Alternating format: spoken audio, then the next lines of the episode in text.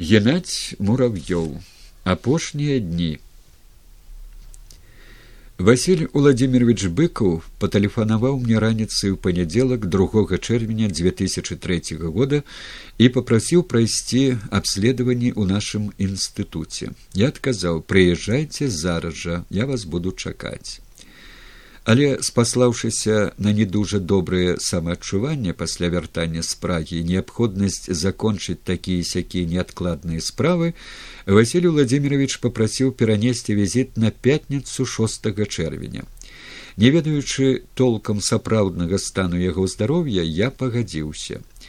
Як аказалася дарма быў згублены цэлы тыдзень Праўда, за гэты час у мяне было некалькі тэлефонных размоў, з якіх я зразумеў, што сітуацыя з хваробай вельмі трывожная і прымаць даводзіцца самыя экстранныя меры. В адной з гэтых размоў я спытаў Васяля Владимировича, ці не збіраецца ён зноў за мяжу і атрымаў цвёрды адназначны адказ: не, больш нікуды не паеду.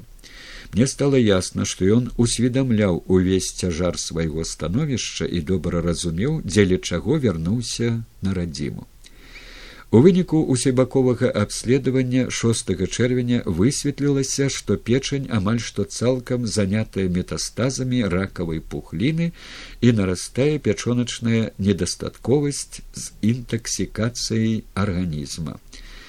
Усё гэта прагрэсіруе на фоне у першую чаргу ішэмічнай хваробы сэрца і бранхіяльнай астмы, а таксама шэрагу іншых захворванняў. Аперацыю быкаву ў празе зрабілі 27 сакавіка 2003 года. Была яна вымушанай мерай, бо ўжо тады хвароба была запушчанай, меліся метастазы ў печані. Зрабілі яе прафесійна бездакорна. Адзіным далейшым выйсцем была хіміятэрапія, якую і прызначылі. Пры гэтым павінен быў быць пільны кантроль, комплексная і мэтанакіраваная кардыятропная тэрапія карэкцыя праяў бранхіяльнай астмы усё гэта магчыма толькі ва ўмовах стацыянарнага а не амбулаторнага лячэння у спецыялізаванай лячэбнай установе з паўсядзённым кантролем забяспечыць гэта на жаль не ўдалося. Як высветлілася павяртанне на радзіму хіміятэрапія аказалася неэфектыўнай была адменена і назначана новая схема на фоне усебаковай падтрымліваючай тэрапіі. Штодня збіраліся кансіліумы вядучых спецыялістаў анколагаў хіміятэрапеўтаў радыёлагаў кардыёлагаў алерголагаў. Рабілася ўсё магчымае і нават немагчымае але было позна. Стало ясным што жыць яму засталося максімум месяц. Паўстала пытанне як зрабіць каб василь владимирович хаця б змог сустрэць свой дзень нараджэння девятнадцатого чэрвеня пасля пакутлівага роздуму праводзячы яго дадому я спытаў василь владимирович як вы паставіцеся да шпіталізацыі ў наш інстытут а карысць будзе пацікаюся василь владимирович і адчуўшы маю няўпэўненасць не чакаючы адказу дадаў. Увогуле так мусіць будзе лепш для маіх родных і цвёрда паабяцаў.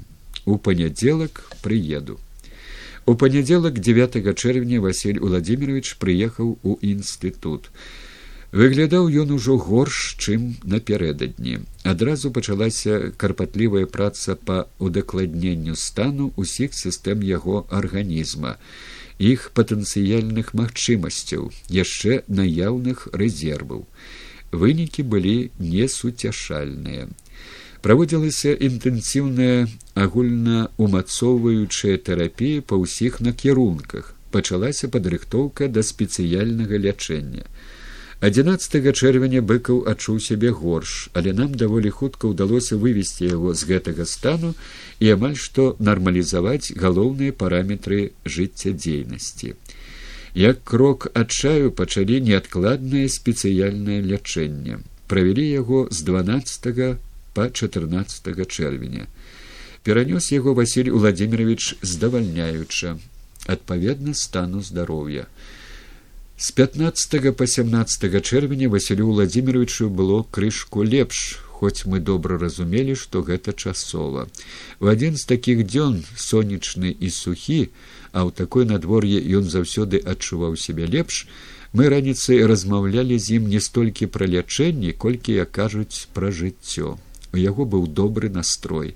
У адзін з момантаў пасля паўзы, калі я стаяў і глядзеў у акно, Васіль Владимирович сказаў: « Сёння неблагая раніца і дадаў якое супрацьлеглае значэнне мае ў рускай і беларускай мовах сэнс слова блага. Потым помаўчаў і калі я адвярнуўся ад вакна прамовіў Геннадзь міколаевич я добра памятаю нашу з вами цяжкую размову тридцать гадоў таму вось і я апынуўся ў інстытуце анкалогіі мусіць так было наканавана лёсам Пра ягонае жыццё за мяжой мы размаўлялі мала, але з таго, што Васіль Уладзімирович казаў, адчувалася, што найбольш запала яму у душу Фінляндыя. Пра Чэхію толькі аднойчы зайшла гаворка. Я спытаў між іншым, як ставіліся там да яго у прыватнасці ўрачы. Васіль Владимирович адказаў, што маляў не хацеў іх лішні раз турбаваць і пасля невялікай паўзы дадаў. Нічога яны не забылі і не даруюць нам менавіта нам, бо ўсе мы для іх рускія, савецкія і я у тым ліку. Што ж тычыцца кіраўніцтва і асабіста прэзідэнта Чэхіі, то стаўленне было самае станоўчае сяброўскае.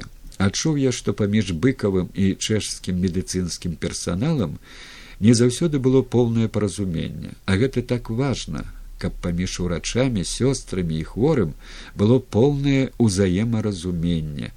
Каб хворы не адчуваў што у нейкае імгненне яго разумеюць не зусім дакладна а ўрачы і сёстры не гатовы хутка і адэкватна рэагаваць на нечаканае змяненне самаадчування хворага. Гэта ж магчыма толькі тады калі яны размаўляюць на адной мове. Калі такога не адбываецца гэта цяжка адбіваецца на стане хворага. Быка уже чэшскай мовы не ведаў. 18 чэрвеня стан здароўя васяля владимировича пачаў пагаршацца у другой палове дня ў пятніцу 20 чэрвеня ён быў пераведзены ў рэанімацыю. У нядзелю 22 чэрвеня у 2010 спынілася сэрца. Наступила клінічная смерць. Інтэнсіўныя рэанімацыйныя мерапрыемствы выніку не далі. У двадцать пятьдесят была канстатавана біялагічная смерць якім я запомніў василя владимировича у апошнія дні яго жыцця. Вельмі сціплым цярплівым і мужным спакойным і разважлівым а ніякага адцення страху ці панікі.